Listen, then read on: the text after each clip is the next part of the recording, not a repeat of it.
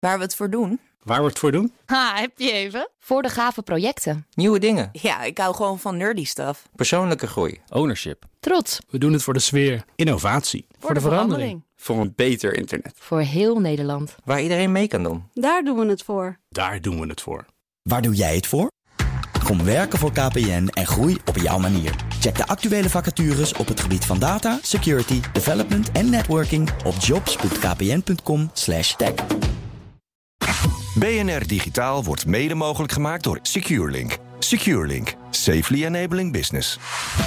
BNR Nieuwsradio. BNR Digitaal. Herbert Blankenstein. Kwaadwillenden hebben vorige week tienduizenden dollars gestolen. Sommigen zeggen tonnen. Bij gebruikers van MyEther Wallet, een populaire online Ethereum wallet. Bijzonder aan die kraak is vooral hoe ze dat gedaan hebben. Niet door malware of phishing, maar door de basisinfrastructuur van het internet, zoals dat wel eens wordt genoemd, te manipuleren. Wat er precies is gebeurd, ga ik bespreken met Erik Bijs. Oprichter van de zakelijke internet service provider A2B Internet. En ook beveiligingsdeskundige Ricky Gevers is hier nog als mijn backup. Erik, um, het draait om DNS, het Domain Name System, en BGP, Border Gateway Protocol. Kun je even kort uitleggen, als het mogelijk is, wat die twee afkortingen inhouden? Ja, DNS is vrij makkelijk uit te leggen. Dat kun je vergelijken met het uh, telefoonboek uh, op het internet. Waar je dus ja. de naam uh, van een website kan... BNR.nl. BNR.nl. En dan krijg je daar een IP-adres eruit terug. En BGP is het protocol wat tussen de routers van verschillende ISP's draait. En daar... dus die adverteren dus de, de IP-adressen onderling naar elkaar. En dat doe je dus met door middel van BGP. Dus dat is een, okay. een protocol vergelijken met een routeplanner? Is dat misschien uh, dat je onderweg de route ziet? Of een wegwijzer? Ja, het is, het is meer uh, de bewegwijzering inderdaad op het internet. Een paddenstoel ja. die we langs ja. de fiets Routers ja. maken aan elkaar bekend welke IP-adressen uh, ze achter zich hebben. Ja. Ja, ja? oké, okay, dat, is, dat is BGP, prima. Um, en op welke manier zijn die twee dan gebruikt om deze aanval te construeren? Nou, wat, wat hier heel specifiek is gebeurd, is uh, een bepaalde provider, uh, Amazon in dit geval, uh, die adverteert IP-adressen naar het internet. in dit geval van blokken van 512 IP-adressen tegelijkertijd.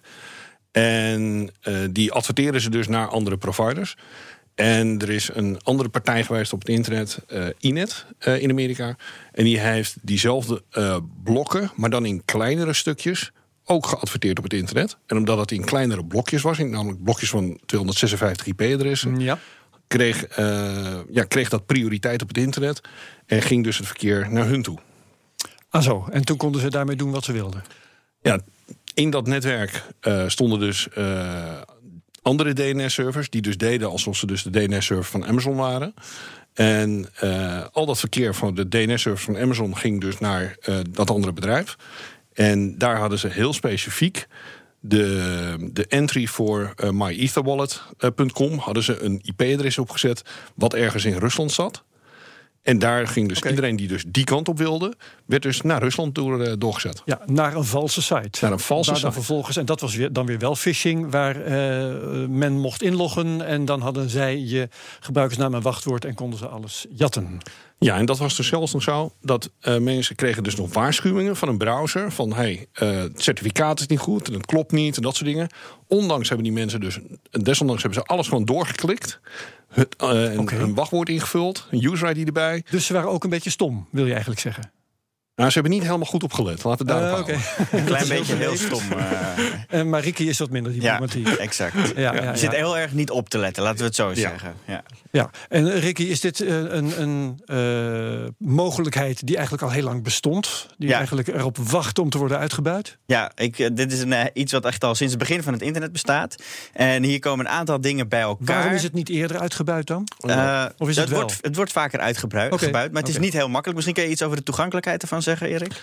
Ja, want uh, om dit soort dingen te doen, uh, moet je echt wel op, op de, de basisinfrastructuur van het internet uh, zetten.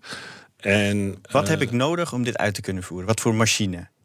ja, je hebt een BGP-router nodig. En dat zijn over okay. het algemeen routers die toch wel enkele tienduizenden euro's kosten.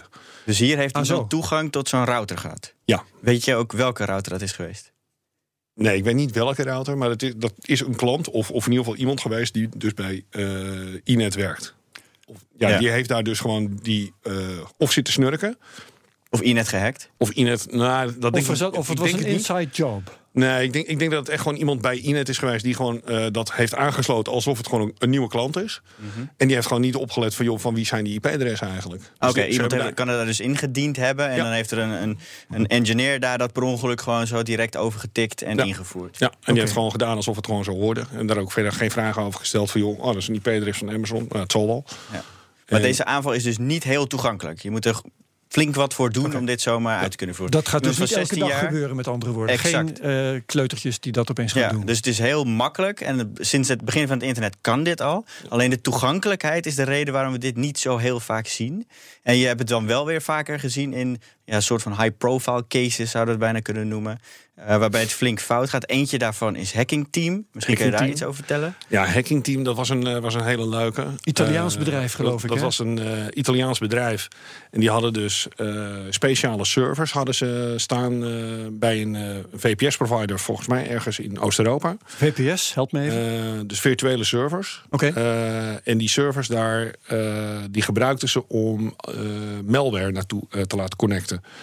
Ehm, die VPN, eh, VPS-provider die had op een bepaald moment had die daar klachten over gehad. En die heeft dus die servers uitgezet. Dus toen konden ze niet meer bij, eh, bij de partij ja, eh, waar dus die malware draaide. Wat ze toen gedaan hebben, is toen hebben ze dus de IP-adressen van die provider, hebben ze dus ook door middel van een BGP, BGP hijack, hebben ze geadverteerd op het internet.